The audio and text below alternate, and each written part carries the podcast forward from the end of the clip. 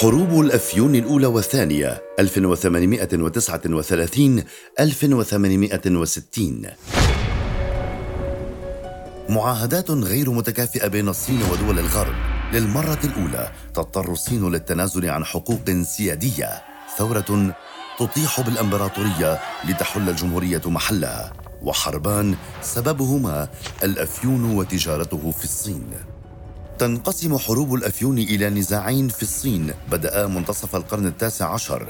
الأول بدأ بين بريطانيا والصين بين عامي 1839 و 1842 والثاني المعروف باسم سهم الحرب بين فرنسا وبريطانيا والصين بين عامي 1856 و 1860 محاولات عصر الانفتاح بين الصين وبريطانيا بدأت مع نهاية القرن الثامن عشر حيث طلب ملك بريطانيا جورج الثالث من الإمبراطور الصيني شين لونغ توسيع العلاقات الاقتصادية بين البلدين إلا أن الإمبراطور أبدى رفضه وقال نحن لا نحتاج البضائع من البرابرة على إثره لم تستطع بريطانيا سوى تصدير القليل من بضاعتها للصين وذلك عن طريق شركتها شركة الهند الشرقية وكان أيضا على التجار البريطانيين دفع قيمة مشترياتهم الصينية بالفضة.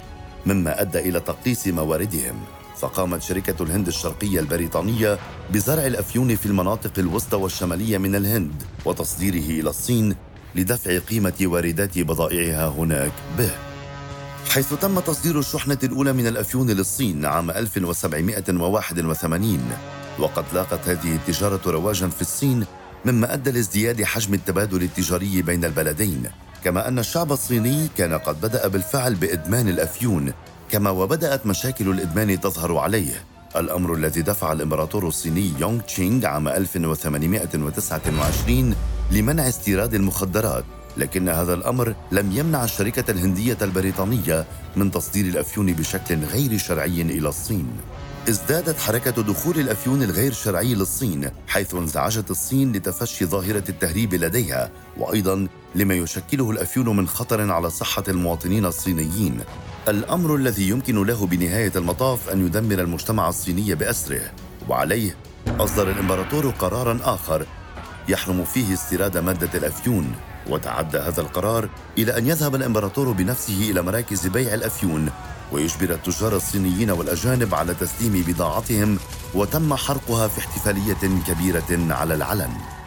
بعد هذه الحادثة قررت بريطانيا أنها ستعلن الحرب على الصين خاصة وفي ظل تنامي قوتها العسكرية. وذلك بهدف فتح الباب من جديد لها لتصدر الأفيون للصين. فاستخدمت بريطانيا مصطلح حرية التجارة كذريعة للحرب.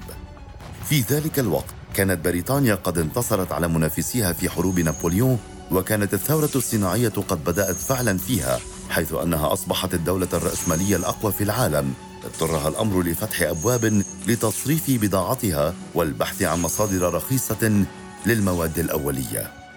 النظام العالمي الذي كان سائدا حينها هو نظام حرية التجارة ودبلوماسية السفن المسلحة حيث قامت بريطانيا بإرسال الجنود والسفن العسكرية إلى الصين لإجبارها على فتح سوقها للتجارة بالقوة لتبدأ حرب الأفيون الأولى وتمتد بين عامي 1840 و 1842 حيث استطاعت بريطانيا بعد مقاومة عنيفة من الجيش الإمبراطوري الصيني احتلال مدينة دينغهاي. كما وصل الأسطول البحري الملكي البريطاني إلى مشارف موانئ الصين مما دفع الإمبراطور للتفاوض مع بريطانيا وتوقيع اتفاقية نانجينغ 1842 بعد توقيع المعاهدة التي حدثت بعد حرب الأفيون الأولى لم ترى بريطانيا والدول الموالية لها أن النتيجة المرجوة تحققت. بقي حجم التجارة مع الصين قليلا نسبيا.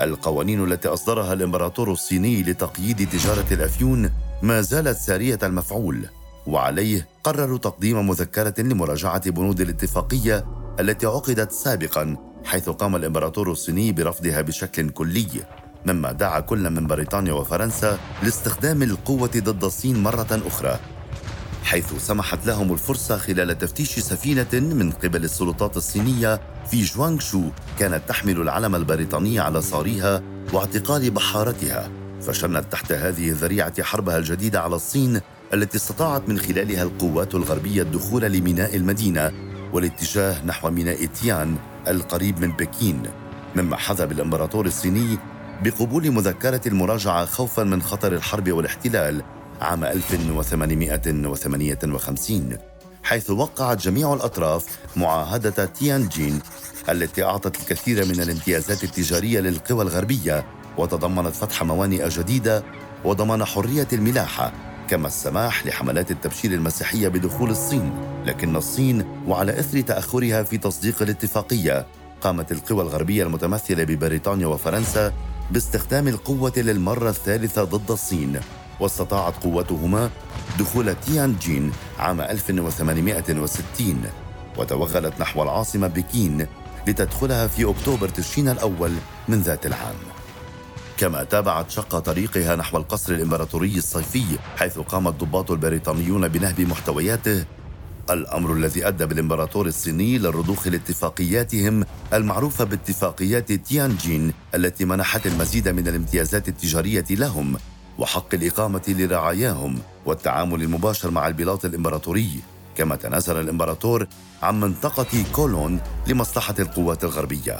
كنتيجة ارتفع عدد المدمنين في الصين من مليوني مدمن عام 1850 إلى 120 مليونا عام 1878 كما أن الحروب بقيت تبعاتها تجري في الصين لحين توقيع اتفاقية عام 1911 أنهت حرب الأفيون